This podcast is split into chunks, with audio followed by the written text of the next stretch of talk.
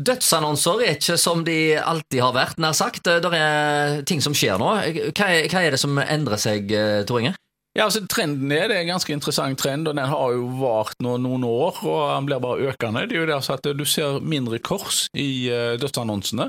Og så Istedenfor så er det symboler da, som overtar. Uh, da. Ja, hva da for noe symboler? Nei, altså Det er symboler. Det er alltid for, La oss si en person har vært uh, gravemaskinkjører, så ser du at det er en gravemaskin som da er ja. øverst der som korset var tidligere.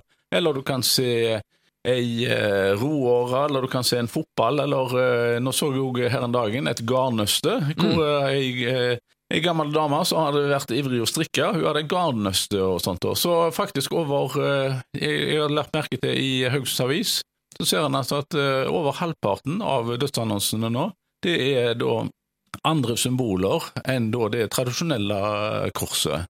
Så og det, mm. det, er jo litt interessant. og det er jo Eh, det er en indikasjon på at eh, kanskje ikke alle de som dør da, har en eh, tilhørighet til dette med kirke og, og sånt. Da. At de istedenfor når det skal stå i dødsannonser, så står det da et symbol for det, noe som de har vært enten i yrkeslivet eller vært en hobby. Og så står det òg et lite minneord nede, da, som òg ikke har et religiøst eh, innhold og budskap. Eh, da. Så det er iallfall en interessant trend, syns jeg. Ja, altså Nå vet jeg jo at du òg eh, blir leid inn i forbindelse med begravelser og gjør noe oppdrag der. Merker du at begravelser i dag er blitt annerledes i forhold til tidligere? Det du viser til her, det er jo altså at jeg er med i Human-Etisk Forbund, og jeg, de siste årene så har jeg da vært sånn seremonileder og hovedtaler ved humanistiske gravferder. Og det er en trend eh, som òg da, altså at det er veldig mange nå som ønsker en, eh, en annerledes eh, begravelse enn den tradisjonelle kristne begravelsen. Da, og da er det mange som da som leier inn, eller så spør om Human-Etisk Forbund kan hjelpe dem. Og du trenger ikke være medlem av Human-Etisk Forbund for å få en humanistisk gravferdsseremoni.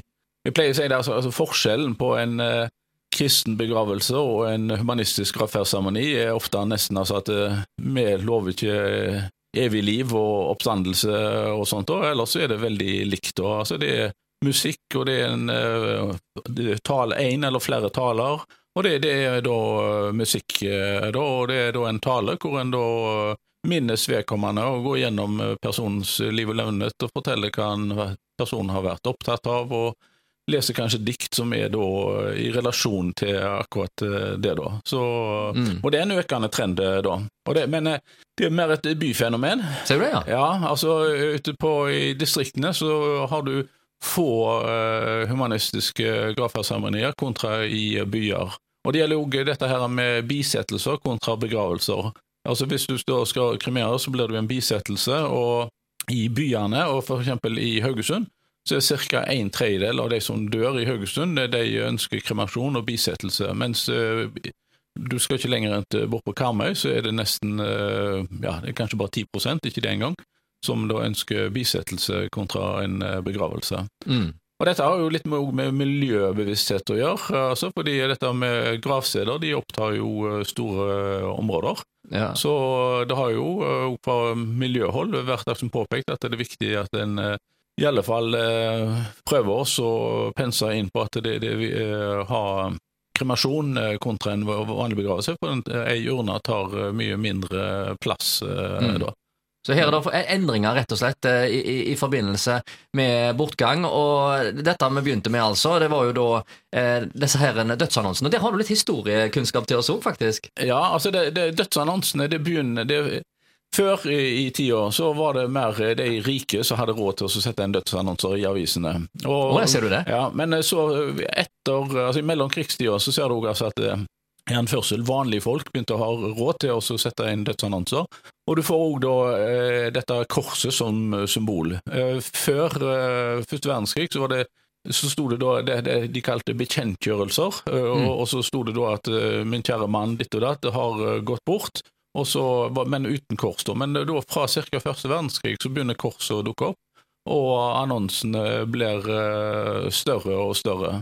Men var, du, du, spurte meg om ulike symboler og sånt. Jeg, uh, Jeg glemmer ikke, det var ei eh, annonse, det var noen eh, år tilbake, da, men eh, han eh, Ikea-gründeren, han Ivar Kamprad, eh, døde, Ja. så, så tok familien da eh, og hadde som symbol istedenfor kors, så hadde de denne her en eh, Skiftesnøkkel eller noe? Nei, ikke skiftenøkkel. Den er, er det embraco-nøkkel det heter? Den Ja, ja, ja. som du tar og så eh, låser opp, eller og, eh, så Jeg setter skjønner. sammen alle disse bokhyllene og sånt. Og. Ja, ja. Så sånn, eh, en sånn en eh, embraco-nøkkel Ja, det var jo hans, passende for han, da. eh, Med disse her dødsannonser. flatpakkene, vet du, så får du alltid med en sånn Umbraco. Og dette med dødsannonser, så sies det jo det eh, altså de, de konkurrerte jo, Haugesund Dagblad og Haugesunds Avis konkurrerte om dette med dødsannonsene. Det var en viktig inntektskilde for dem. Mm. Eh, og eh, grunn, mange sier det, altså at grunnen til Haugesunds Avis vant over Haugesund Dagblad i sin tid, Mm. det var jo det altså at eh, eh, du var ikke skikkelig død for eh, dødsannonser hadde stått i Haugesunds Avis. Haugesund, Haugesund Avis hadde da flest eh, dødsannonser